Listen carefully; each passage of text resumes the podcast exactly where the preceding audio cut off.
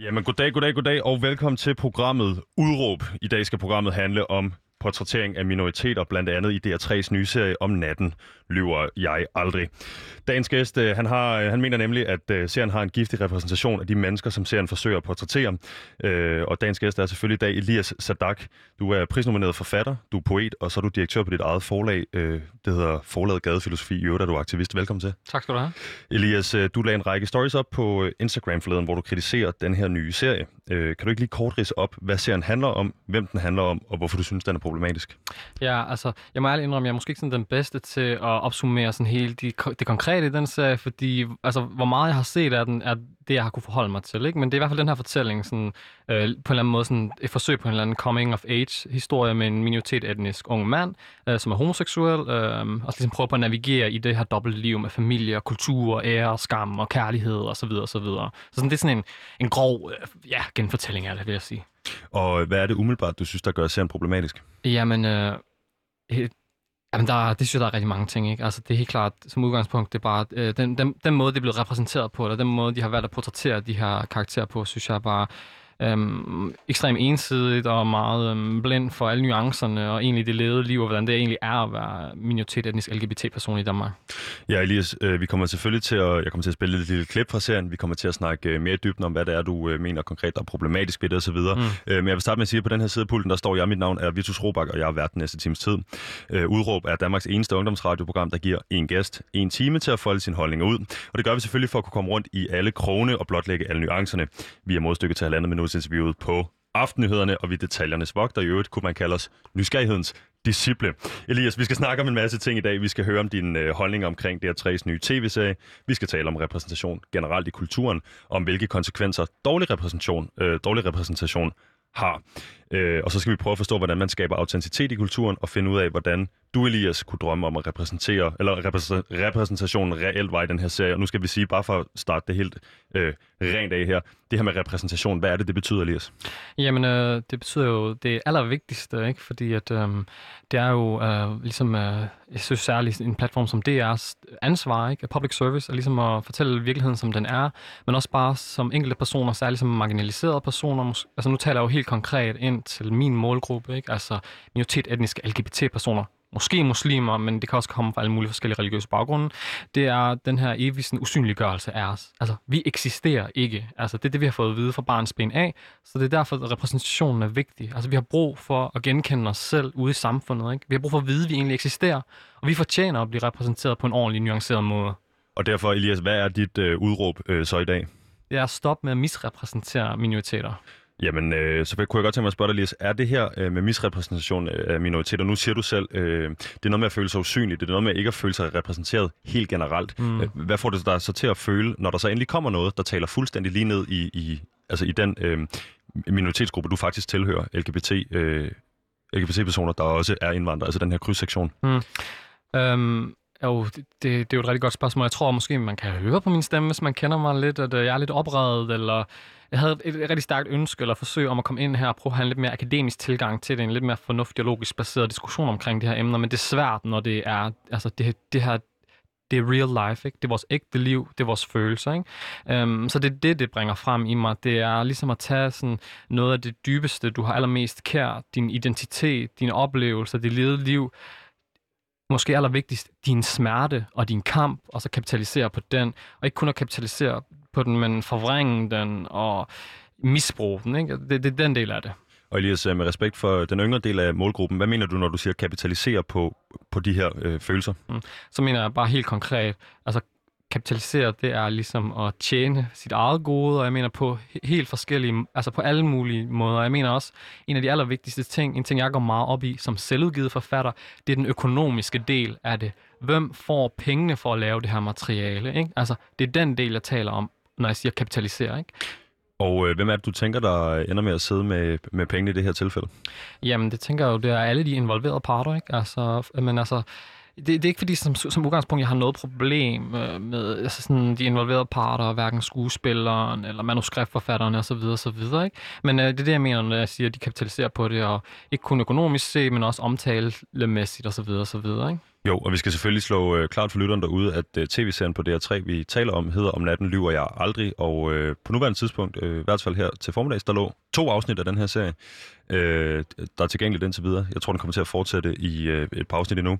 Øh, men Elias, noget jeg godt tænker, eller tænk, et sted jeg tænker, øh, du og jeg skal starte i dag, for ligesom at komme øh, godt rundt omkring den her Mm. problematik er, øh, dit udråb, øh, og grund til, at du står her i dag, er, at du mener, at man skal stoppe med at misrepræsentere øh, minoriteter. Mm. Øh, jeg, altså, jeg tør godt gætte på, at det ikke er det øh, første eller eneste gang, at du føler, at minoriteter bliver misrepræsenteret, øh, men nu er det konkret øh, den her tv-serie på DR3, vi skal snakke om i dag. Mm. Hvad er det, den her øh, problematik betyder for dig? Hvad, hvad, altså, hvad er det, du... Nu, nu siger du, hvis man kender dig, kan man måske høre på din stemme, du er en anelse opred. Mm. Hvordan har du det inde i maven? Åh, hvordan har jeg det inde i maven? Altså, jeg har det jo lidt som... Åh, det, det, det, det, det, det er godt nok svært at sætte ord på, men det er måske den der følelse for mig, som jeg, som jeg, jeg siger, jeg er selvudgivet forfatter. Jeg har udgivet Danmarks første digtsamling om at være homoseksuel og muslim. Jeg har valgt at gøre det på mine egne præmisser. Jeg har valgt at gå mod det etablerede. Og så øh, et, jeg ved ikke, måske et halvandet år senere, et, et år senere, så er der en person, der får lov til at, ligesom at kapitalisere på mit arbejde, føler jeg sådan decideret. Ikke? Og ikke kun mit arbejde, men alle dem, de giganter, hvis skulder jeg står på den dag i dag. Ikke? Alle, alle dem, der var før mig, de LGBT-personer, som aldrig har fået den ære, eller den hæderen, eller den mulighed, de skulle have fortjent. Øhm, så er der en eller anden person, der skal ind, og så skal han hyldes for ligesom at være den person, der har bragt den her problematik til masserne. Ikke? Og det er egentlig som udgangspunkt det, der er mit problematik. Altså det med, at der er nogen, der tager kampen for os. Og øh, nu skal vi lige have på det rene, at øh, Thomas, øh, Thomas Lærmand øh, Lundme, øh, som er forfatter øh, bag serien, øh, og bogen, der vist nok også udkommer her i løbet af efteråret, øh, er en del af det her LGBT-miljø. Øh, Mm. Da du og jeg sad og snakkede sammen for 20 minutter siden, så siger du også, at øh, I skal begge to tale, øh, eller bliver begge to, eller en del af LGBT, undskyld, en del af Pride-platformen øh, Mm. næste uge. Ja. Øhm, så øh, er der, er der noget med, altså kunne den her serie godt have handlet om... Øh, om, om LGBT-miljøet og homoseksuel og så videre, øh, uden at det skulle være en, en, en, en, en, en øh, hvad hedder det, etnisk dansk minoritetsting, eller altså hvor går, hvor går grænsen for dig? Altså, det her det er mit udgangspunkt, når det kommer i forhold til kunst og kultur. Altså, og det, ved, det har jeg nogen i mit bagland, der faktisk er uenige med mig i, men som udgangspunkt, som, og det er en af grundene til, at jeg er kunstner, og min tilgang til det her, det er kunstner. Som udgangspunkt, så tror jeg med, at kunsten er vores eneste frie redskab til at udtrykke os præcis, som vi har lyst til. Det gælder alle, altså hvilken hudfarve. Du kan skrive om det, du har lyst til. Du kan udtrykke dig om det, du har lyst til. Jeg tror faktisk også på, at man som skuespiller kan spille de roller, man har lyst til. Putter lige en parentes over det, fordi der er også sådan, man skal lige lave noget selvrensagelse, når man tager nogle bestemte roller, synes jeg. Ikke? Altså, øhm, men ja, jo, så altså, det, det, det som udgangspunkt, det, det, det, det problematiske for mig ikke er, at Thomas har valgt at gøre det her. Altså, det er fint egentlig, så det synes jeg, det er okay. Men det er bare den måde, det er blevet gjort på, øhm, er en kæmpe fiasko og en kæmpe fejltagelse. Og jeg vil sige, det gør, at det har gjort mere skade, end det nogensinde vil komme til at gøre gavn. Øhm, og jeg vil selvfølgelig sige, øh, Elias, og til lytterne derude, at vi har selvfølgelig rettet øh, din kritik til Thomas, og øh, har fået nogle svar øh, fra ham, og det skal vi nok vende tilbage til øh, lidt senere i programmet. Mm. Øhm, men jeg tænker, nu har vi været lidt inde på det. Føler du, den her serie, er, er den lavet til dig? Nej, det er absolut ikke. Den her serie er absolut ikke lavet til mig, og jeg må ærligt indrømme, at jeg har ingen idé om, hvem den her serie den er lavet til. Altså, fordi alle de reaktioner, jeg har fået, også når jeg har prøvet at poste på internet og tale lidt om det og diskutere det, og, og altså, det er uanset, hvad målgruppen er, så jeg kan virkelig, altså, jeg har ingen idé om, hvem den her tv-serie den er lavet til. Altså, det, det, jeg føler, at den her tv-serie den er lavet til Thomas og ja, til ham selv. Det er et eller andet sådan noget personligt passionsprojekt eller eller andet. Jeg, altså, jeg ved, det, jeg ved ikke, hvem den er til, ærligt. Øh, er der, altså, nu vil jeg ikke bede dig om at komme med et bud, når du siger, du ikke, øh, du virkelig ikke ved det, men, men, men, men jeg tænker, øh, grund til at jeg selvfølgelig spørger det, og det er jo noget, det kommer til at være et gennemgående øh, tema i dag, det er det her med, øh, at der bliver krydset to, øh, øh, hvad skal vi sige, to minoritetsgrupper, som du er en del af, og hvis ikke mm. du føler, at den her tv-serie er lavet til dig, mm. øh, men du samtidig mener, at kunsten er fri, at man skal kunne lave øh, mm. til hvem man vil, så, så tænker jeg, at det kunne være, at du havde et bud på, øh, hvem den måske kunne gøre gavn for. Altså, nu siger du selv, at den, den har gjort større skade, end nogensinde kommer til at gøre gavn. Mm. Er det bare færdig punktum? Ja, men det er ingen tvivl om. Og prøv at høre, det, det, det, det, der, det der er det svære for mig i dag, det er, at jeg føler, at jeg taler for alle dem, jeg har i- bag mig i ryggen, som jeg ved ikke vil stille op, eller ikke er interesseret i at tale om det, okay? Det er derfor, jeg siger, at jeg ved, at den har gjort mere skade end gavn, for jeg har læst deres reaktioner, jeg har læst deres beskeder, og jeg tror, det er der, min opredhed den kommer, det er, at vi er så få personer, der måske har det privilegie, at vi kan stå frem, eller overhovedet har lysten til at deltage i debatten. Øhm, og så er det bare sådan, at vi bliver forbigået på den måde, og vi får slet ikke mulighederne for at deltage i de møder, eller de debatter, eller komme med vores kreative input i forhold til de her tv-serier. Ikke? Og så når jeg siger, at det, den smerte, jeg kan mærke, det har altså reddet ind i mit bagland, det er, at ikke nok med, at vi føler, at øh, vi er blevet brugt, vi er blevet misbrugt på en eller anden måde. Ikke? Øhm, så ja. Hvor meget handler det om øh, den her problematik, du også snakker om tidligere med, at du, er, du har været på banen med noget, øh, altså med, med, med, med et kunstværk, der, der på en eller anden måde skildrer øh, virkeligheden, mm. øh, som øh, hovedpersonen den her serie hedder, mm. Yusuf, som den, den virkelighed, han også kunne have været i, hvis altså ikke serien var konstrueret, som den var. Mm. Er, er det også lidt et øh, personligt øh, er det, er det det personlige angreb, eller som, som du siger, altså fordi jeg hørte dig sige, det er også et spørgsmål at stå på øh, mål for dit bagland og, og, og en masse mennesker, du kender. Mm. Hvad fylder mest for dig her? Og oh, hvad fylder mest for mig her? Mm, det er et rigtig godt spørgsmål. Altså, det, det, jeg vil ikke sige som udgangspunkt, der er én ting, der fylder mere end det andet. Ikke? Det er sådan en kæmpe kombination af noget forskelligt, men jeg tror bare, at Uh, det er nok mere det der med at se sig selv, eller se et forsøg på sig selv, og så se det så øhm, forvrænget, og så forkert, og så misbrugt. Så jeg tror sådan, det, det der, der har gjort allermest ondt ved det, det er at se sådan, at den her narrativ omkring øh, minoritetsetniske, altså den samme narrativ omkring de her minoritetsetniske LGBT-personer, vi har prøvet på at løsrive øh, os selv for de sidste 10-15 år. Og øh, som udgangspunkt, da jeg så sådan der serien, eller det jeg kunne holde til at se serien, jeg tænkte, det her, det ligner noget, der blev hævet ud fra en tidskapsel, tidskapsel for 20 år siden. Altså, det er ikke der, vi er i dag. Øhm, så det er det, det, jeg mener, når jeg siger, at det er ligesom øhm, en, ja, en eller anden øhm, forsøg på sådan at rekonstruere virkeligheden for minoritet-etniske LGBT-personer. Øh, og, og det er derfor, jeg tager det dybt, øh, derfor jeg bliver dybt fornærmet. Altså, Ja, fordi det er sådan, han opstiller virkeligheden, og man kan sige, der sidder jo nogen derude i Danmark, altså det er jo en kæmpe platform, så der er jo nogen, der kommer til at sidde derude et eller andet sted, dem, der ser tv, still, I don't know you, men der kommer til at se det der og tænke, øh, om det er jo sådan, det er, om det er så forfærdeligt, det liv, ej, det er jo horribelt, se hvordan de har det. Og ja, der er noget smerte forbundet i det, øh, men bare den måde, det er blevet præsenteret på, det er bare, ja, det virker på det også, som om at det der øh, hele problemet med misrepræsentation ligger. Øh, mm. hvis nu der kunne komme en disclaimer med den her serie, hvor øh, Elias Sadik fik lov at sige, inden man skulle starte afsnittet, så fik du lige 30 sekunder med Elias Sadik, som forklarer dig, hvordan tingene rent faktisk hænger sammen. Mm. Øh, så kunne det være, at vi kunne komme med misrepræsentation i møde. Men Elias, øh, du selv sprunget ud som homoseksuel ja. og mistede kontakten til din far efterfølgende. Mm. Øh, hvilke ting var der på spil for, altså hvad var på spil for dig i sådan en situation mm. ude i virkeligheden? Mm. Vi skal lige tilbage til det her spørgsmål, for nu, nu beder du mig om at rette dig, og det hedder Elias Sadak.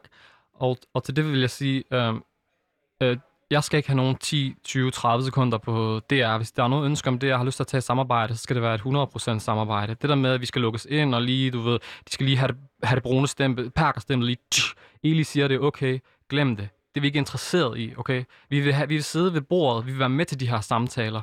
Vi gider ikke, at vores historie bliver ved med at, øh, skal blive ved med at hvidvaskes på den her måde. Så sådan en... Øh, en øh, uh, perker disclaimer. Jeg vil heller ikke kunne give det er en disclaimer nogensinde, for jeg kan vel ikke kunne tale for alle de her minoritetsetniske LGBT-personer. Også også personer, hvis kamp jeg heller ikke kan sætte mig ind i, fordi jeg er en cis-mand, altså, jeg kan jo ikke sige, uh, tale for hele mit miljø, ikke? Men bare den, der for, den, bare den her nuancerede forståelse, jeg allerede godt har om det at sige, prøv her, det vil jeg ikke kunne sige. Det er det, den serie mangler.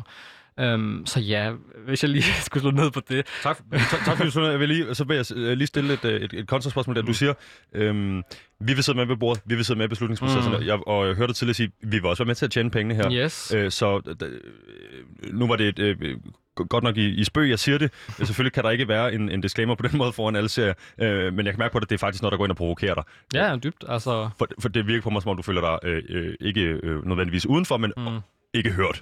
Ja, jeg føler mig, øh, altså sådan, jeg ved ikke, om vi har været dansk ord eller begreb for det, men jeg føler mig gatekeepet. Altså, det, der, der, det, der de har lukket døre til de her kulturinstitutioner konstant hele tiden, og så er der, så er der jo nogle etablerede personer, eller hvad man skal kalde det, der ligesom får lov til at gå ind og lave de her produkter, og altså, det er jo tydeligt, at personerne ikke har fingeren på pulsen, eller så videre, så videre. Og det er med al respekt for Thomas' øh, kreative virke, og den, det arbejde, han har lagt i sit øh, kreative arbejde. Altså, det har jeg kun respekt for, og den alder erfaring, han har, fordi han kommer fra en anden tid.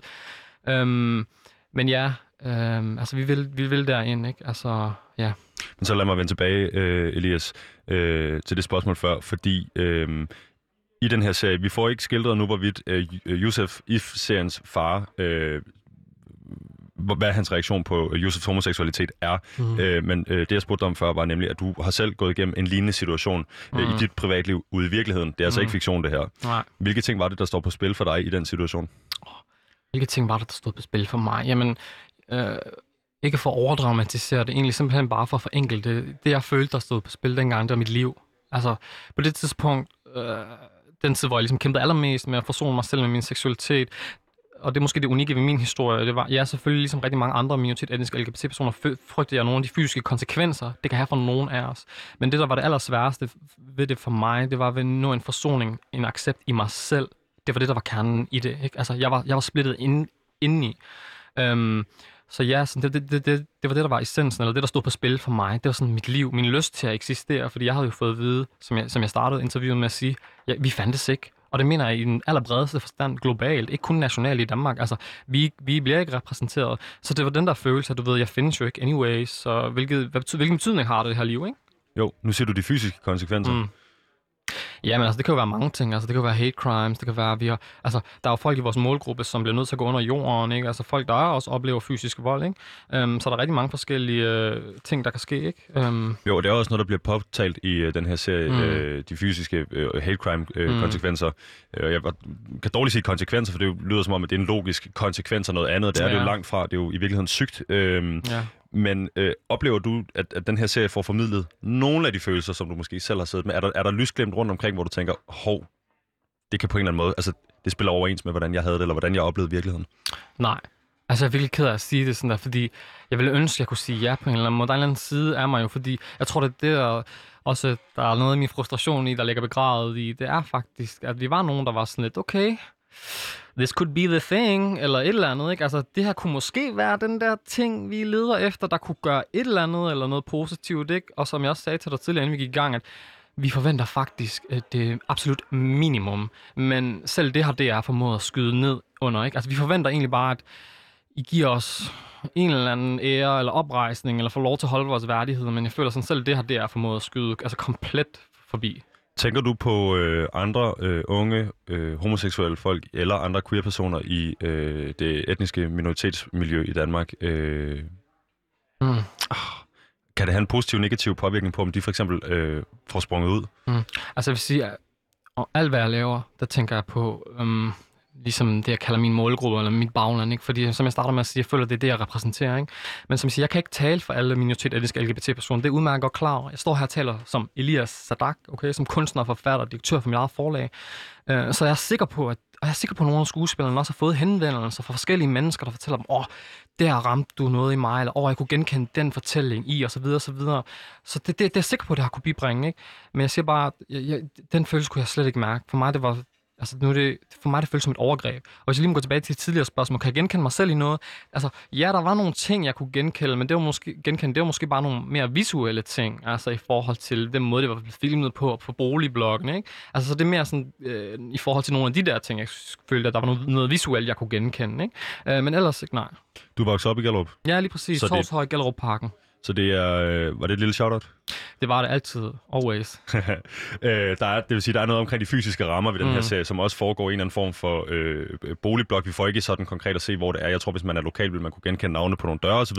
Øh, jeg tror ikke, det er Thomas' øh, ønske at repræsentere et specifikt sted i Danmark, men mere den her øh, blok. Mm. Øh, hvad skal vi sige, bloklivet, blokkulturen. Ja, øh, og, og så hvis jeg lige må afbryde der, ja. altså, altså, det er jo en af de rigtige ting, som er rigtig populære. Ikke? Altså, det er hele tiden den her sådan, kapitalisering på den her sådan, um, ghetto-gangster-attitude-ting, ikke? som er blevet rigtig populært.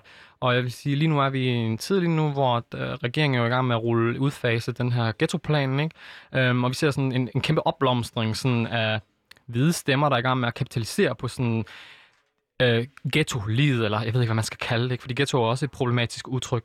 Øhm, så ja, jeg føler bare, at den her fortælling, eller øhm, den her øh, måde, de har valgt at opsætte på, er bare sådan øhm, endnu et forsøg på at kapitalisere på sådan noget populært.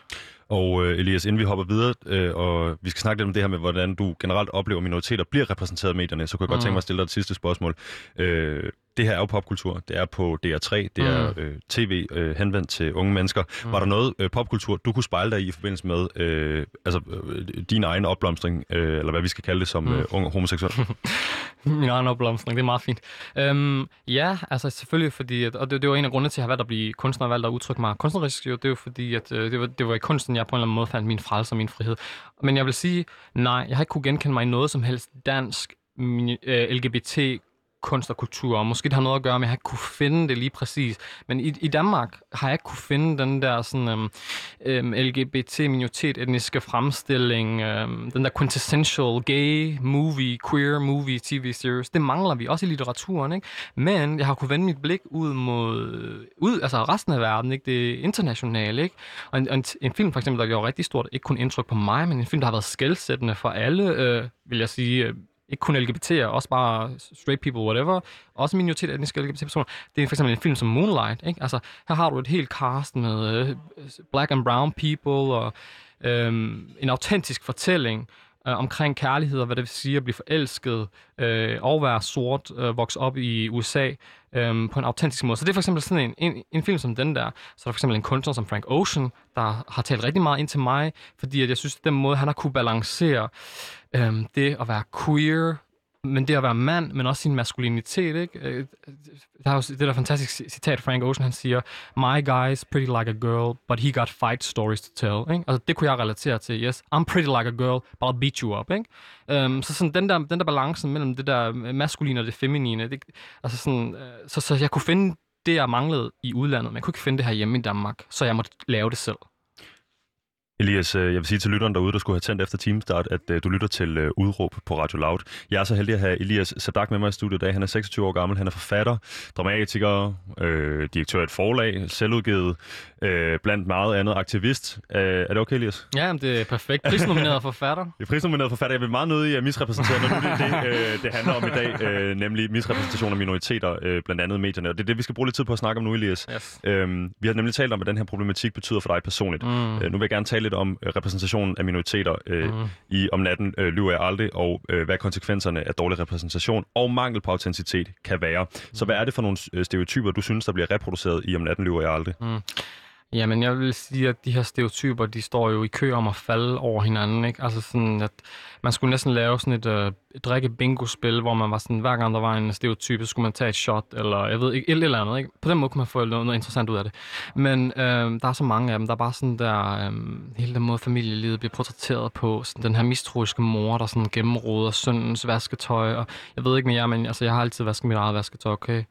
Øh, så sådan nogle der ting, også bare, for eksempel, der var en af mine jeg shouter Diana, hun skrev, hun sagde til mig, at uh, det hele det der med, at uh, han, de tager ikke skoene af, når de går indenfor.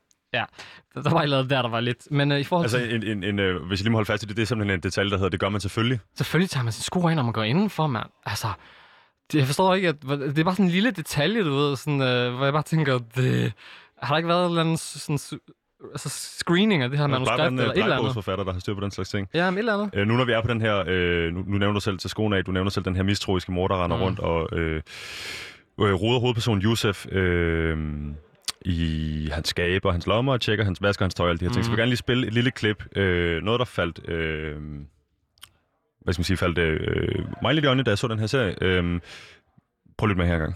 Står du træt, min søn? Efter alle de ekstra vagter i fitness. Men det betaler sig. Hårdt arbejde fører til succes. Det er vist ikke kun fitness, du gør ham træt. Luk. Hvad sker der?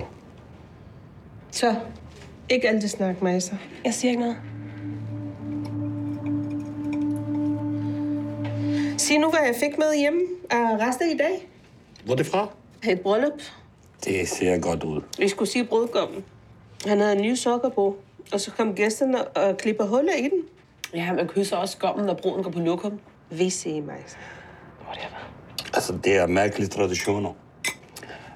Vi skal selvfølgelig sige, øh, for det første, det her klip fra øh, DR øh, tv-serien øh, Om natten lyver jeg aldrig, øh, skrevet af Thomas Lærmann Lundme, og øh, det er aldrig færdigt, Elias, at tage noget ud af kontekst og spille det, fordi øh, det, kunne, altså, det kunne være mange ting. Det, det, det er svært øh, at, at få noget til at lyde rigtig fedt ud af kontekst, men det, grunden til, at jeg har valgt det her klip, er, øh, at der sidder den her... Øh, øh, hvad hedder det, etniske minoritetsfamilie rundt om et bord, mm. ude i et boligblok, øh, og spiser rejcocktails. Og det er derfor, Mm. det, det, altså for det første, så tænker jeg, jeg har ikke set nogen spise en rejcocktail siden øh, før jeg blev født.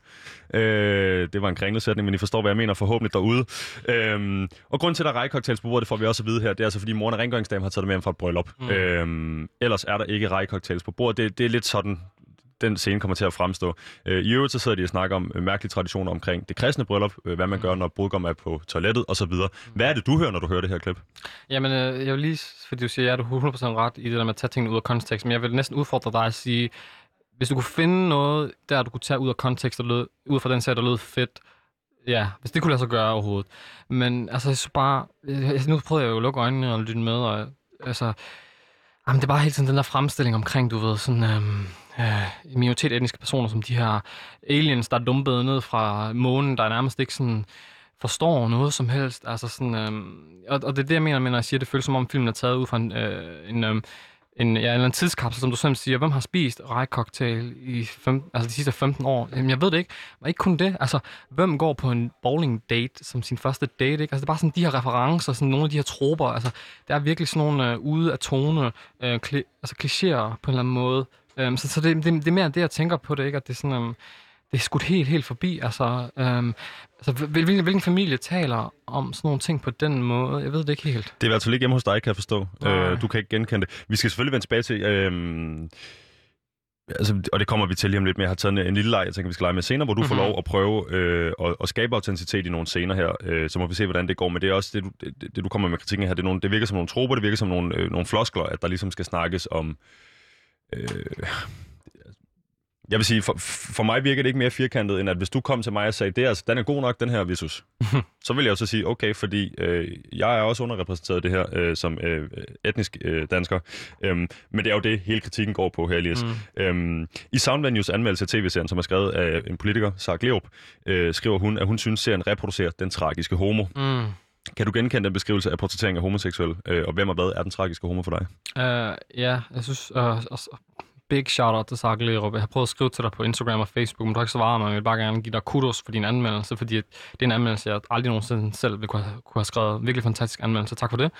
Uh, men jeg er helt klart, altså den her idé omkring den tragiske homo. Jeg vil faktisk gerne sådan udlevere mig selv lidt. Jeg har faktisk også godt været den tragiske homo. Jeg har faktisk godt været igennem det der liv og øh, kæmpet med nogle af de der ting. Ikke?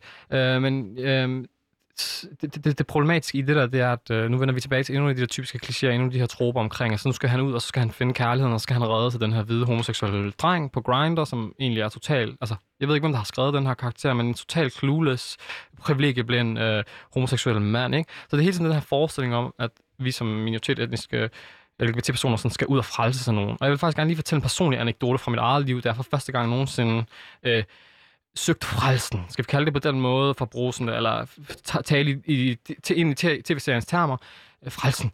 Øhm, altså var, den, den hvide homoseksuelle mand? Ja, lige præcis. Ja. Da jeg prøvede at søge frelsen i den hvide homoseksuelle mand, det var, at øh, jeg var et rigtig grimt sted i mit liv, faktisk. Jeg var nået der til nu, hvor jeg tænkte, okay, Eli, fuck this shit, nu hopper du ud i havnen, og så it's over. Øh, men i stedet for, så valgte jeg så den beslutning at prøve at ringe ind til en LGBT-hotline i Aarhus.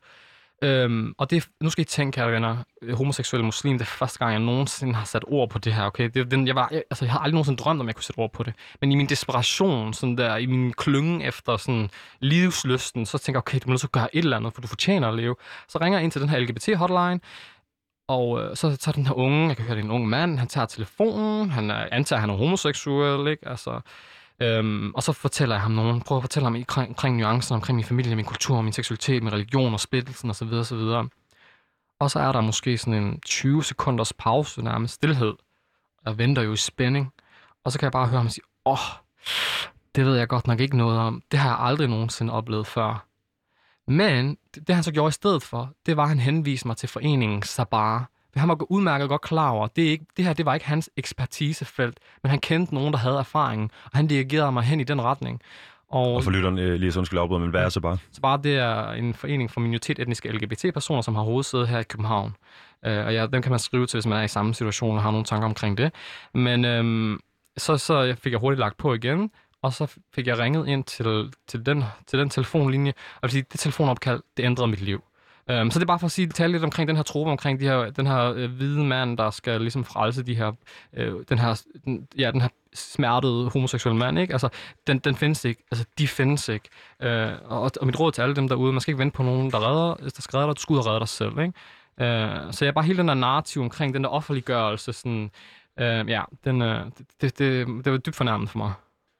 I særdeleshed på baggrund af dine egne personlige erfaringer? Ja, absolut. Og ikke kun mine erfaringer, men altså, jeg vil næsten sige alle, ja.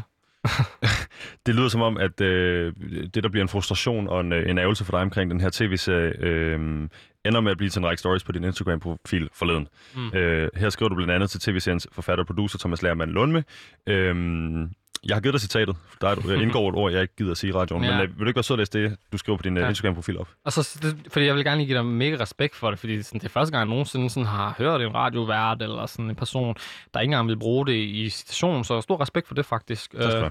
så, øhm, så jeg har her citatet her, som jeg sagde til dig, at jeg aldrig nogensinde sådan der læst et Instagram-story-citat, eller på citat fra mig selv på den her måde, men det var i hvert fald det, jeg skrev. Øh, jeg skrev, at øh, jeg har brug for mere autenticitet, Thomas. Perker går rundt med pistoler, ikke baseball bats. Og havde de givet Josef en pistol, så ville jeg måske have set den. Men det er tydeligt, at Thomas ikke er en del af kulturen, for han forstår det ikke, har jeg skrevet. Hvorfor vil det være mere autentisk med en pistol? Er det ikke lige så stereotypt? Jo, og det er det helt klart. Og det, altså, jeg, jeg tænker, at altså, ud fra reaktionerne, så forstår folk også, at det her det ligesom er en karikeret måde at øh, kommentere på hans karikaturer også. Ikke? Øhm, så, så det er egentlig mere skrevet sådan med glimt i øjet. Øhm, så ja, øh, altså, for det er jo helt klart nemlig en stereotyp, ikke? Øh, men altså, jeg er stadig enig. Jeg kender sgu ikke nogen pakker, der rummer noget baseball bats. Altså, skulle det, skulle det have været mere realistisk, så, skal, så skulle man have givet dem en pistol, ikke? Altså, det er jo virkeligheden derude, ikke? Men ikke at, som jeg siger, altså, det er jo bare en forsøg på at lave, altså, tale i hans sprog, ikke? Og så bruge en stereotyp mod stereotyp. Øh, ja. Vi har øh, rettet den konkrete kritik omkring øh, baseballbattet øh, til Thomas, øh, som er forfatter bag serien. Øh, vi skriver til Thomas, at vores gæst Elias øh, mener, det urealistisk, at hovedpersonen i serien, øh, Josef, bruger et baseballbat i en konfrontation med en anden queer-person. Øh, mener, det ville være mere realistisk, hvis karakteren havde trukket en pistol frem for et bat. Han skriver Thomas, at øh, det kan da godt være, at det havde øh, virket voldsommere med en pistol. Det havde det måske nok. Personligt synes han, at det er øh, voldsomt at blive truet med et baseballbat. Så det virker på Thomas' mm. svar, og og det er en anelse øh, af en tolkning. Øh, men at det for Thomas ikke var... Øh, våbnet, der var vigtigt, mm. men øh, den, ligesom den effekt, det har at have, at have, at have et, et, lad os sige, dødbringende våben med i en konfrontation, hvad end det er et baseballbat eller en pistol. Mm. Kan du forstå det? Nej, det kan jeg faktisk ikke helt forstå, fordi um, altså, nu skal jeg heller ikke ned i sådan en helt konkret sådan, diskussion omkring, hvilket våben, der egentlig er det værste, fordi øh, som jeg, noget, som jeg også skrev i min story, det er, jeg har aldrig nogensinde, og det, det kan godt være, det kommer tilbage at ramme mig, fordi jo, du er ung, og jeg har også en fortid, tro mig, øh, men jeg har sgu ikke af min øh, umiddelbare hukommelse, kan jeg huske, at jeg nogensinde har troet nogen personer med fysisk vold eller med et våben overhovedet. Så jeg er ikke interesseret i overhovedet at gå ned i en diskussion om, hvilket våben, der er det værste.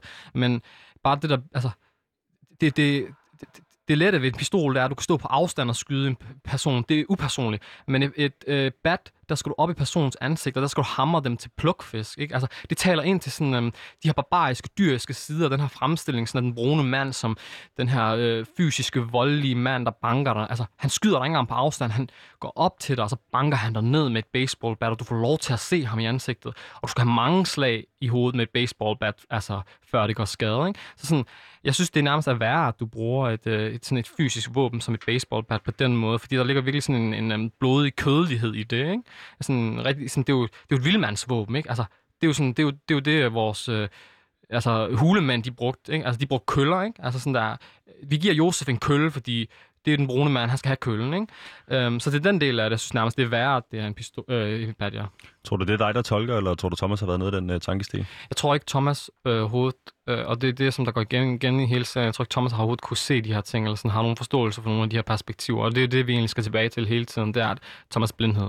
Men så vil jeg nemlig også gerne øh, rette en, øh, en anden overordnet kritik, som nemlig er øh, noget, vi også har spurgt øh, Thomas til. Vi har selvfølgelig rettet øh, kommentar til Thomas, og han har været så øh, venlig at svare, så jeg læser op her fra øh, vores korrespondence med ham. Han skriver, øh, eller vi spørger ham, hvad øh, på vegne af dig, hvad har tankerne og motivationen været for at lave en serie om en ung LGBT-person med minoritetsetnisk baggrund? Han svarer, af Martin, som er, øh, har været med til at lave øh, serien, øh, og, øh, og ham, instruktøren på serien hedder det, øh, og jeg arbejdede på en øh, dokumentar om emnet. Altså, de har arbejdet på en dokumentar først, Mm. men det blev for svært og for farligt. For de medvirkende, vi havde samtaler med, derfor valgte vi i samarbejde med produktionsselskabet og DR at lave en fiktion.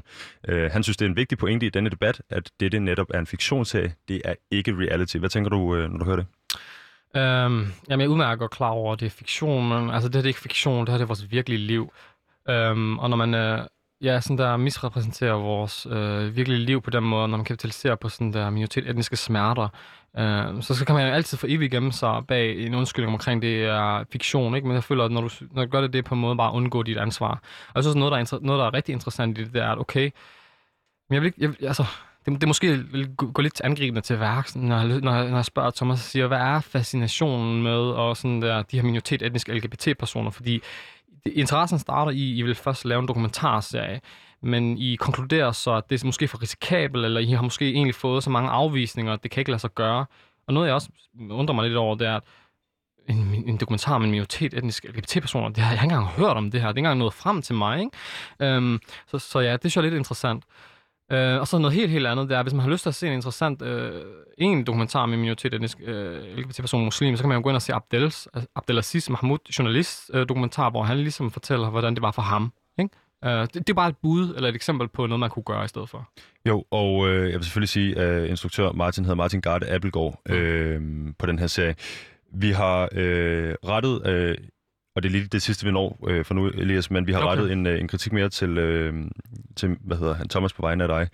Øh, vi spørger, om han generelt har nogle kommentarer til, om nogle personer, øh, herunder det er så dig, rejser en kritik i forhold til ikke at føle sig godt nok repræsenteret i serien. Han siger, at man skal altid lytte til kritik. Det gør Martin øh, Garde Appelgaard og jeg, også instruktøren. Øh, men igen synes jeg, det er vigtigt at understrege, at vi ikke øh, fortæller en konkret historie taget øh, en til en fra virkelighedens verden, men netop fortæller en fiktion. Jeg tror på mange planer, at virkeligheden er meget, meget hårdere. Øh, hvad, hvad tænker du det her med? Jeg tænker, jeg har set meget øh, vilde øh, fiktions... Øh, jeg så et klip fra den film, der hedder Django Unchained i går, en mm, Tarantino-film. Fantastisk film. Fantastisk film. Fantastisk, og, øh, øh, fantastisk instruktør. Fantastisk instruktør, som jo også har været ude i de her, men det kan være en anden snak, mm. vi, kan, vi kan tage en gang øh, ude i fremtiden. Ja. Øhm, der er en mand, der har syet øh, bibelvers ind i sin øh, skjorte, og jeg mm. tænker umiddelbart, at jeg ser det her, det, det giver ingen mening for mig, så jeg googler det, og det er ikke noget, der eksisterer. Det er noget, Tarantino har fundet mm. på, øh, at man skulle sy bibelvers ind i sin skjorte. Mm. Øh, her er der jo ikke lige umiddelbart en, en, nogle minoriteter, øh, der bliver trådt over tæerne. Det, altså, langt hen ad vejen er de kristne i USA, majoriteten. Øh, men er det ikke Thomas' øh, kreative frihed, og, og, og, altså, så længe det ikke er en dokumentar, så længe det ikke skulle øh, tages en til en fra virkelighedens verden, som han siger, men netop er en fiktion, er det så ikke bare... Øh, er, er det ikke bare dig, der må ud og, og, og producere noget selv? Øh, har, er han ikke i sin fulde ret til det? 100%, Jeg er 100% enig. Jeg siger, Thomas har 100 det kreativ licens. Som det, det kan ikke være en hyggelig at sige det modsatte. Jeg siger 100% Thomas har det kreative licens til at udtrykke sig, som han vil. Men jeg har også det kreative licens, og bare licens, som når man udtrykker sig som kunstner, så har vi andre lov til at kritisere det. Og øh, det er det standpunkt, jeg tager. Øh, jeg har jeg kritiserer den her serie på alle, alle punkterne. Jeg synes, det er forkasteligt. Og så, når så spørger du mig, kan man ikke bare gå ud og gøre det selv? Jeg har gjort det selv. Jeg gør det selv. Jeg har selv udgivet. Jeg har skrevet den her digtsamling. Men det er ikke godt nok. Altså, Øh, så, og jeg kan ikke gøre det hele alene. Altså, jeg har brug for at... Øh, ja, altså, jeg har brug for hjælpen, ikke? Altså, sådan der, fordi man kan kun nå, et, altså, nå så langt selv, ikke? Så spørgsmålet er bare, hvor meget mere skal der til? Altså, jeg føler, jeg har lavet forarbejde. Jeg har gjort det, der bliver efterspurgt om. Men som sagt, igen, ikke? Så nu er der en anden person, der skal kapitalisere på det, ikke? Jo, og som du siger tidligere, du er ikke blevet kontaktet i forbindelse med øh, skabelsen af hverken den dokumentar, øh, øh, Thomas nævner, eller den efterfølgende tv-serie. Nej. Og det er jo ikke fordi, øh, vi står inde i studiet og siger, øh, I skal huske at kontakte Elias øh, Sadak hver gang I laver øh, tv-serier. Men... I skal kontakte Elias Sadak hver evig eneste gang, I laver tv-serier film. Det jeg hørte dig sige, øh, Elias, øh, det var med et glimt øjet, det, måske, øh, øh, det kan måske godt forstås ud alligevel, at øh, laver man noget om øh, minoritetsetniske personer eller LGBT-personer, så kunne det i hvert fald ifølge dig øh, være fint at række ud til dem. Øh, og det vil jeg sige, øh, blandt andet i de svar, vi har fået fra Thomas, siger han også, øh, at der har været, øh, hvad hedder de, øh, outreach øh, til de her, øh, hvad hedder det, miljøer øh, på den ene og den anden måde, øh, men det vender også lidt tilbage til, at øh, Thomas altså også øh, har sin ret som skaber til at øh, hvad hedder mm. det, tage de valg, han tager. Øhm, Elias, det var det fra, øh, fra Thomas. Øh, vi kunne selvfølgelig ikke lave det her program uden at hans kommentarer med, øh, og øh, vi er super glade for, at han selvfølgelig øh, vendte tilbage på det. Og med sin brød, jeg er faktisk rigtig glad for at høre Thomas svar, fordi når man kører på sådan der instagram rant jeg tror også, at det har jo været lidt nok for mig at ligesom projicere noget af min frustration over for Thomas, fordi inde i mit hoved er han jo bare sådan en idé eller et symbol på en større problematik, ikke? Så på en eller anden måde, så er det også rart at høre sådan mennesket bag det, og nogle af hans overvejelser og tanker om det, ikke? Jo. Øhm, så. Øh, og for at øh, Thomas også skal føle sig nogenlunde repræsenteret her, så vil jeg sige, at han skriver, at de interviewede en række unge øh, omkring øh, de her scenarier, der er blevet brugt og bearbejdet. Øh, altså det er bearbejdede versioner, der kommer i serien. Mm. Øhm, Elias, vi har en øh, lytter, der sidder derude, der måske har tæmt for radioen efter timestart, og til den vil jeg sige, øh, du lytter til udråb på Radio Loud. Vi har Elias Sadak med i studiet i dag. Øh, oh, nu begynder jeg, og så kan du bare stoppe mig. Han er forfatter, dramatiker, prisnomineret øh, hvad hedder det, forfatter, du, er, du udgiver dine egne ting, du er aktivist og alt muligt andet. Øh, du har virkelig gang i den. Men øh, en af de ting her, øh, som går igen for alle de her ting, der står på dit CV, øh, det er, at du er kreativ. Mm. Øhm, og derfor tænkte jeg, at vi skal lege en lille leg. Ja, yeah, I'm amazing, I love it. Øhm, vi kan kalde den autenticitetslejen. Øh, øh, og det er selvfølgelig øh, os, der har skabt øh, fem scenarier, der ligger lidt op i det, der er i serien, og så vil vi gerne øh, have dit bud på, hvad det er for en slags øh, krydderier, det skulle have, for at det bliver lidt mere autentisk mm. ifølge dig. Øh, du skal være velkommen til at svare i, i, i det lange format. Øh, hvis det er en enkelt ting, der skal til, øh, så må vi se, om det er det. Okay, lige inden du går i gang, sige, altså, så vil jeg gerne synes, at folk de skal høre rigtig godt efter, fordi det her det er simpelthen gratis øh, minoritet-etnisk konsultation. Så yes, listen. Okay. Elias, forestil dig, at vores hovedperson, det kunne være en ligesom Josef fra øh, den her serie, mm. øh, Jeg løber aldrig om natten, kommer hjem og skal fortælle sine forældre, at han er homoseksuel. Mm. Hvordan vil sådan en scene skulle portrætteres, for at det vil være autentisk for dig? Og hvad er det øvrigt, der er på spil i sådan en situation? Mm, det er et rigtig godt spørgsmål, jo ikke? Fordi jeg har jo altså, jeg har jo hørt alle historierne efterhånden, og hørt alle de forskellige reaktioner, ikke? Og hvilken, hvilket udgangspunkt kan man tage udgangspunkt i? Jeg kan prøve at fortælle det, der skete for mig, da jeg gjorde det det var, at jeg havde skrevet brev til mine forældre, og så satte jeg dem ned og bad dem om at læse det. Og altså, det jeg gik igennem inde i mit hoved, det var, at jeg frygtede jo, at det ville ende i en fysisk voldelig situation på en eller anden måde, eller der skulle være nogle konsekvenser, fysiske konsekvenser ved det, ikke? Men at situationen faktisk blev meget øhm, aftæmmet på en eller anden måde. Det var mere sådan, altså der var bare øh, stillhed. Så jeg tror, det der med sådan, Ja, altså hvordan skulle, hvordan, hvordan skulle det se ud? Det ved jeg ikke. Det skulle måske sådan afdramatiseres, så skulle lydteknikeren skrue ned for sådan alt det der øhm, soniske bagland, der ligesom øh, skaber, altså fordi når du hører serien også, altså bare sådan den lyd, der prøver på at understrege dramatikken, er så øh, altså fejlslaget i forhold til replikkerne og leveringen af det. Så jeg synes bare sådan, den, den måde, det er blevet dramatiseret på, er bare ja, øh, helt forbi. Og nu har vi jo til gode at se, øh, om end der, om, altså om overhovedet der er en scene med en konfrontation omkring, mm. øh, øh hvad hedder han, Josef der springer ud. Mm. Men det jeg hørte dig sige er, øh, det autentiske består også i, i brugen af, af, af de filmiske virkemidler. Mm. virkemidler. Det består også i, og, og, og du siger, du har hørt alle historierne, nu tager du udgangspunkt mm. i dit egen. Det mm. består i at gå ud og, og høre miljøet, hvad mm. det er, de har oplevet. Ja. Øhm, det kan jo være, at øh, når næste afsnit kommer, at vi kommer til at se en uh, situation, hvor der bliver skruet uh, ned for musikken, der er nogen, der skriver et brev osv. Det vil vi have til gode. Øhm, til gode. Ja. Elias, vores hovedperson, øh, det er vores næste scenarie her. Vores mm. hovedperson skal møde, øh, mødes med en, han har mødt på en dating-app. Øh, der vil jeg sige til lytteren derude, at i første afsnit ser vi en mand, øh, ser vi den her unge øh, Yusuf, der mødes med en mand på en parkeringsplads. Han siger, at han er ligeglad med, hvad Yusuf hedder, hvem han er, skal vi ikke bare komme i gang. Mm. Øh, underforstået, at de skal have sex i den her bil. Mm. Så vores hovedperson skal mødes med en, han har mødt på en dating-app. Hvordan kunne det her møde udspille sig, for det altså er autentisk. Mm. Altså, man kan sige, der er også med alle mulige andre mega mange forskellige dating-apps, og man kan sige, jo, sådan et scenarie kunne jo godt lade sig gøre. Jeg har da også hørt mange historier om, hvor der har været lignende situationer, og det er uanset øh, etnicitet. Altså, det, det, det er måske bare sådan en, altså ja, måske også lidt en firkantet tendens, eller en forestilling omkring en tendens i LGBT-miljøet, ikke? men det kunne godt være et bud på, sådan, hvordan en, et sexmøde kunne være. Ikke? Øh, men som udgangspunkt, så har jeg selv aldrig... Øh, og det er ikke med nogen peget fingre af nogen, fordi jeg bare, man skal gøre det, man har lyst til. Men jeg har selv aldrig rigtig uh, været på sådan en uh, one-time car date, sex date, vel? Uh, så ja, så det er bare sådan hele den der... Altså, det er igen tilbage til den der idé omkring den der, du ved, sådan og smertet homoseksuelle mand, der bliver nødt til at tage ud i en mørk resteplads om natten ude i en BMW, og så sutte pik på en eller anden... Øh... Som ikke er interesseret i, hvad han ja, lige, ja, lige præcis. Sådan, den her totalt følelsesløse øh, ja, øh, sådan sexakt. Ja. Så øh, autenticiteten her er... Øh, altså, hvad, hvad er det, vi skal krydre den med, tænker du? Åh, oh, hvad skal vi krydre den med? Mm. Jamen, jeg ved det egentlig ikke helt, om der skal krydre, og så måske den bare skal fuldstændig omskrives, eller så skal den udlades helt, ikke? For noget af det, jeg har efterspurgt i den her serie, det er lidt, at... Øh, Altså, jeg, jeg, jeg, jeg er træt at se sådan, øhm, øh, altså sådan, øh, øh, sådan brune øh, homoseksuelles begær på film blive henledt mod hvide homoseksuelle.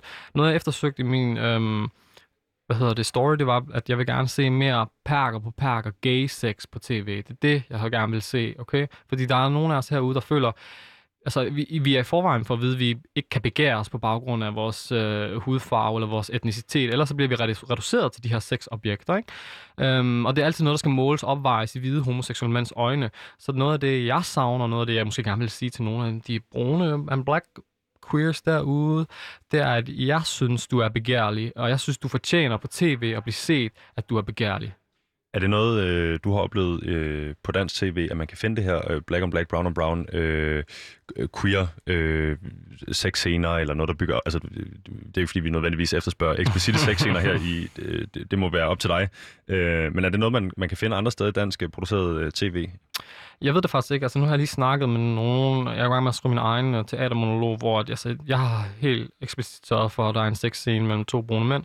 Men øhm, øh, jeg har fået videre, at der er en eller anden serie, hvor der er noget med to homoseksuelle mænd, der har sex, ikke? Men altså, ud fra hvad jeg kan forstå, så er de også bare reduceret enten til bipersoner, altså sådan...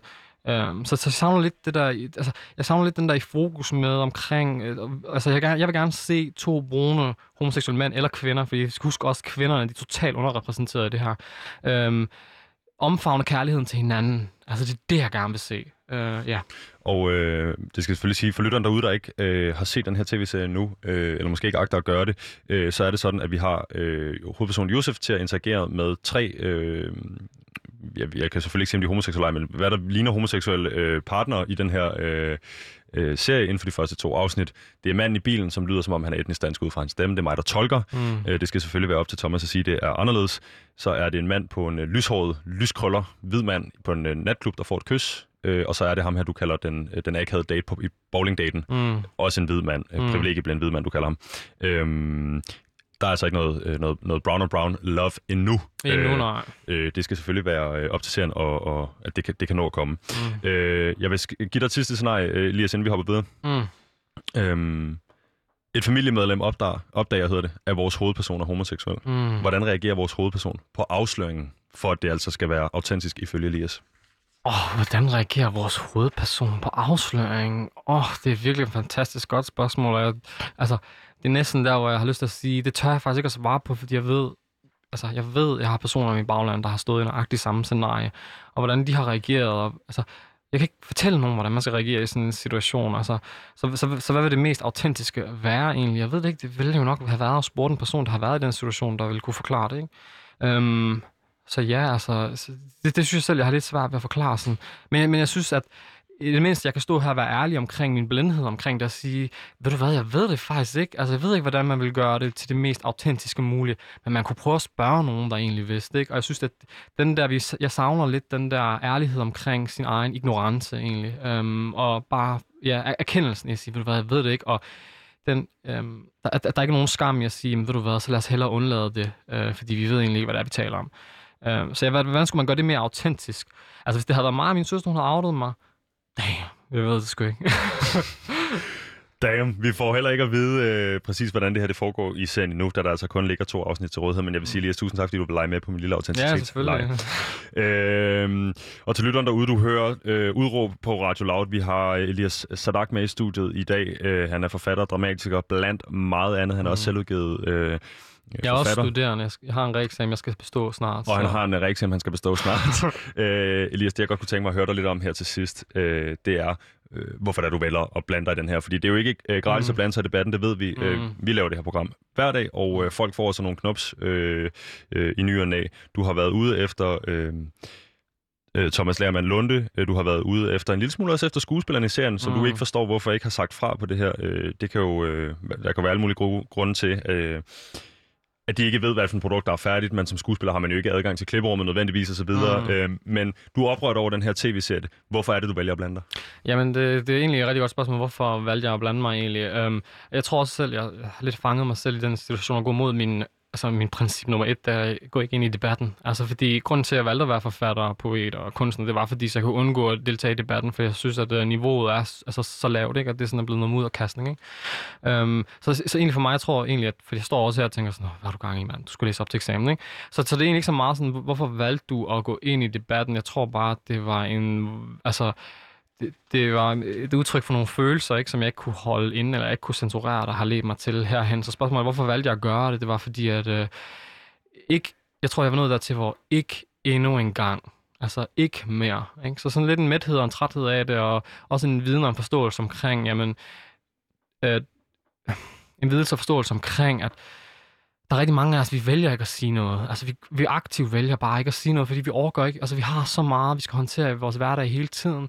Så sådan den der trodsighed og videre omkring, ved du hvad, altså, jeg bliver nødt til at være en, altså, der bliver nødt til at være en, der siger noget, fordi ellers så kommer der til at køre sådan et narrativ omkring, sådan at DR har fortalt, øh, oh, hvor er det er gode, og hvor, ej, hvor er det fantastisk, at Thomas har formået og ligesom at portrættere det her. Ikke? Så, så det, jeg tror, det er den del af det, ikke? at vise, at nuanceret, og så sige til alle dem derude, der ikke ved det, hov, der er faktisk en minoritet etnisk LGBT-forfatter, øh, muslim i Danmark, der faktisk har lavet det, der er, laver det egentlig i virkeligheden, som det er kunne have spurgt i stedet for. Ikke? Så, så lidt den der del af det at sige, jamen vi er egentlig herude. Føler du dig personligt ramt? Føler jeg mig personligt ramt? Nej, det vil jeg ikke sige, at jeg gør egentlig. Øhm, Men måske en anelse overset, som vi har snakket om tidligere i programmet. Altså ikke nødvendigvis, det skulle være dig, men nogen fra miljøet, man skal, man skal række ud til, mm. inden man begynder at lave sådan noget her.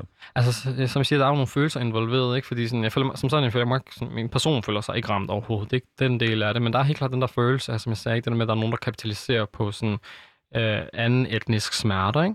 Øhm, og så så lidt den der totale blindhed, ikke kun blindheden, men sådan den skade, jeg kan mærke, den her serie har gjort øh, i miljøet, ikke? Øhm, Jo, og som jeg nævner tidligere, så stiller du også skuespilleren til ansvar i et eller andet format. Mm. Øh, på øh, Instagram blandt andet. Øh, jeg ved, at øh, Arash Mossadegh, som er 23 år gammel og øh, spiller Josef i den her øh, serie. Arash derude, undskyld hvis jeg butcher dit efternavn. Øh, han er vokset op i en boligblok, ligesom Josef, øh, som han portrætterer og har oplevet at blive udsat for vold og kaldt øh, homoseksuel, fordi han selv kunne lide at stå på en scene. Øh, Elias, tror du måske ikke et eller andet sted, at dig og øh, Arash, som er hovedrollen i den her serie, øh, kæmper for det samme? Jo, det, det føler jeg helt klart, og jeg er sikker på, at alle de involverede havde gode intentioner faktisk. Og jeg har også selv måttet reflektere sådan over mit sprog og min Instagram-story, som jeg synes blev øhm, ja, uflatterende. Altså sådan, øhm, så den del har jeg, har, har, jeg, har jeg gerne vil sagt til tilbage. Jeg har også sagt til de involverede personer, at øh, altså, fordi du på internettet bliver alting meget hurtigt karikeret, og når vi mødes derude, skal jeg nok få en undskyldning for sproget egentlig, fordi det, det, det, det var ikke det, der var min pointe. Så jeg er sikker på, at jo, på en eller anden måde, der kæmper øh, vi alle sammen for det samme, og jeg kæmper 100% også for mere, mere nuanceret repræsentation af minoriteter, særligt i filmbranchen, særligt i teaterindustrien, hvor det, er- altså, vi er nærmest ikke, øh, ikke eksisterende, ikke øh, repræsenteret i de der situationer. Så jo, jeg er helt, helt sikker på, at vi på mange måder, vi kæmper egentlig for det samme, men... Øh, Ja, så, så, så, så, så, så, så også det der, der en eller anden følelse, der det personligt måske også lidt kommer ind. Ja, vi kæmper for det samme, men det er sådan, her har I kæmpet imod os. Ikke? Så, sådan, så, så, så, der er lidt nogle konfliktende følelser omkring det der. Elias, hvis vi kigger øh, fremad, øh, hvad er det så, du tror, der skal til for, at DR øh, begynder at lave tv, som du er dem, der portrætterer, kan spejle sig. Mm. Hvad er det, vi mangler? Hvad skal der til? Altså, det er meget simpelt, og vi siger det hele tiden. Der, I skal åbne dørene. I skal lukke os ind i de der rum. I skal give os de der stillinger. Det er simpelt. Det er det, de vil have, fordi, eller det er det, vi vil have, fordi når man gør det modsatte, så kan I selv se, hvad produktet er. Og ja, jeg har måske ikke, lige nu er jeg ikke, sådan, det er ikke så meget en kritik af sådan, øhm, selve produktet ud fra sådan et kvalitetmæssigt standpunkt, men alle anmeldelserne er enige det her det er bare et totalt fejlskud på alle punkter. Ikke? Så når man gør det der, så får man også et produkt, der matcher øhm, den sa- samme manglende sådan ambi- ambition og den samme øh, skødesløshed. Ikke? Så sådan, det er det, jeg synes, som, ikke kun det, jeg synes, som, altså, vi som dan- danskere og som skatteydere og folk, der betaler for det her, vi fortjener bedre tv, vi fortjener bedre tv-serier, vi fortjener bedre underholdning. Øhm, så det er også den der provokation i det, ikke? Altså sådan, øhm, ja. Ja, så vil jeg selvfølgelig sige, øh, at alle de synspunkter, der er blevet øh, delt i dag, er øh, Elias' og jo ikke noget, programmet nødvendigvis deler for god ordens skyld. Men Elias, jeg kunne godt tænke mig her til sidst at spørge dig om noget, og det er, hvorvidt du er optimistisk i forhold til fremtiden. Tror du, det, du har blandet dig i debatten, tror du det, at den her serie har fået nogle knops rent almindeligmæssigt, øh, har, en posi- altså, har det en positiv effekt på, på udviklingen? Mm. Ja, altså sådan der, jeg vil ikke sådan der tale ind i sådan, sådan en form for fryd i forhold til de her negative anmeldelser, fordi altså, jeg er også skuffet. Altså, jeg er også ked af det, ikke? Vi havde jo set også, at det havde været godt, og det havde været bedst for alle sammen. Men jeg er 100% øh, optimistisk for fremtiden, fordi jeg er her. Jeg er herude, og jeg er bestemt ikke den eneste. Det vrimler faktisk med minoritet-etniske øh, LGBT-personer, øh, som også laver skuespil, som også laver kunst, som også laver film. Der er blandt andet Uhørt Kollektivet, som er et kollektiv af unge minoritet-etniske personer, queer-personer, alle mulige forskellige, som producerer deres egen film, fordi ligesom mig, de er trætte af at abonnere på de samme stereotyper, de samme troper. Øh, så jeg er mega forhåbningsfuld omkring fremtiden. Altså, og det er heller ikke fordi, at jeg vil heller ikke stå her og lyde, som om jeg føler mig utaknemmelig, øh, fordi alt det, jeg har opnået, altså jeg har opnået kæmpe succes og rigtig meget opmærksomhed med min dæksamling egentlig, som jeg er totalt taknemmelig for øh, den opbakning, jeg har fået. Så det er ikke fordi, jeg vil stå sådan der på en eller anden øh, bjergtop og sige, jeg fortjener mere, eller jeg skal have flere privilegier i forhold til det, jeg har gjort. Nej, jeg er rigtig taknemmelig for det, jeg har opnået, men jeg har, jeg, min frustration i ligger, at jeg har større ambitioner. Jeg vil mere, og jeg vil mere for os alle sammen. Ikke kun for Elias Adak. For, for hele Danmark. Det er øh, ved at lade det være det sidste ord øh, i dag, Elias. Tak. Øh, tusind tak, fordi du kom forbi studiet og tilbragte en øh, 40 grader varm time med mig herinde. Oh yeah, det er jo, det er jo endnu varmere. det er i hvert fald... Øh, altså, vi skal glæde os til at komme udenfor bagefter, lad mig sige det på den måde. Elias, øh, tak fordi du vil komme her, og tak fordi du også vil dele øh, på den personlige front. Mm. Øh, det ved jeg betyder noget for nogen derude. Øh, jeg vil sige til lytteren, du har lyttet til Udråb øh, med mig, Vitus Robak, her på Radio Loud. Programmet var produceret af Rakkerpark Productions. Dagens producer hedder Maja Bader. Dagens tilrettelægger hedder Katrine Wisman. Og hvis du sidder derude med en øh, interessant, anderledes eller markant øh, holdning, så skriv for guds skyld ind til udråb øh, så tager vi, den, øh, tager vi og kigger på den og, og arbejder lidt. Men det kunne være, at du kunne ende med at se dig selv i studiet på et eller andet tidspunkt. I morgen der snakker vi om Trump, øh, og det gør vi mellem øh, 12.05 og 13. Jeg vil sige mange tak for i dag. Tak fordi du lyttede med.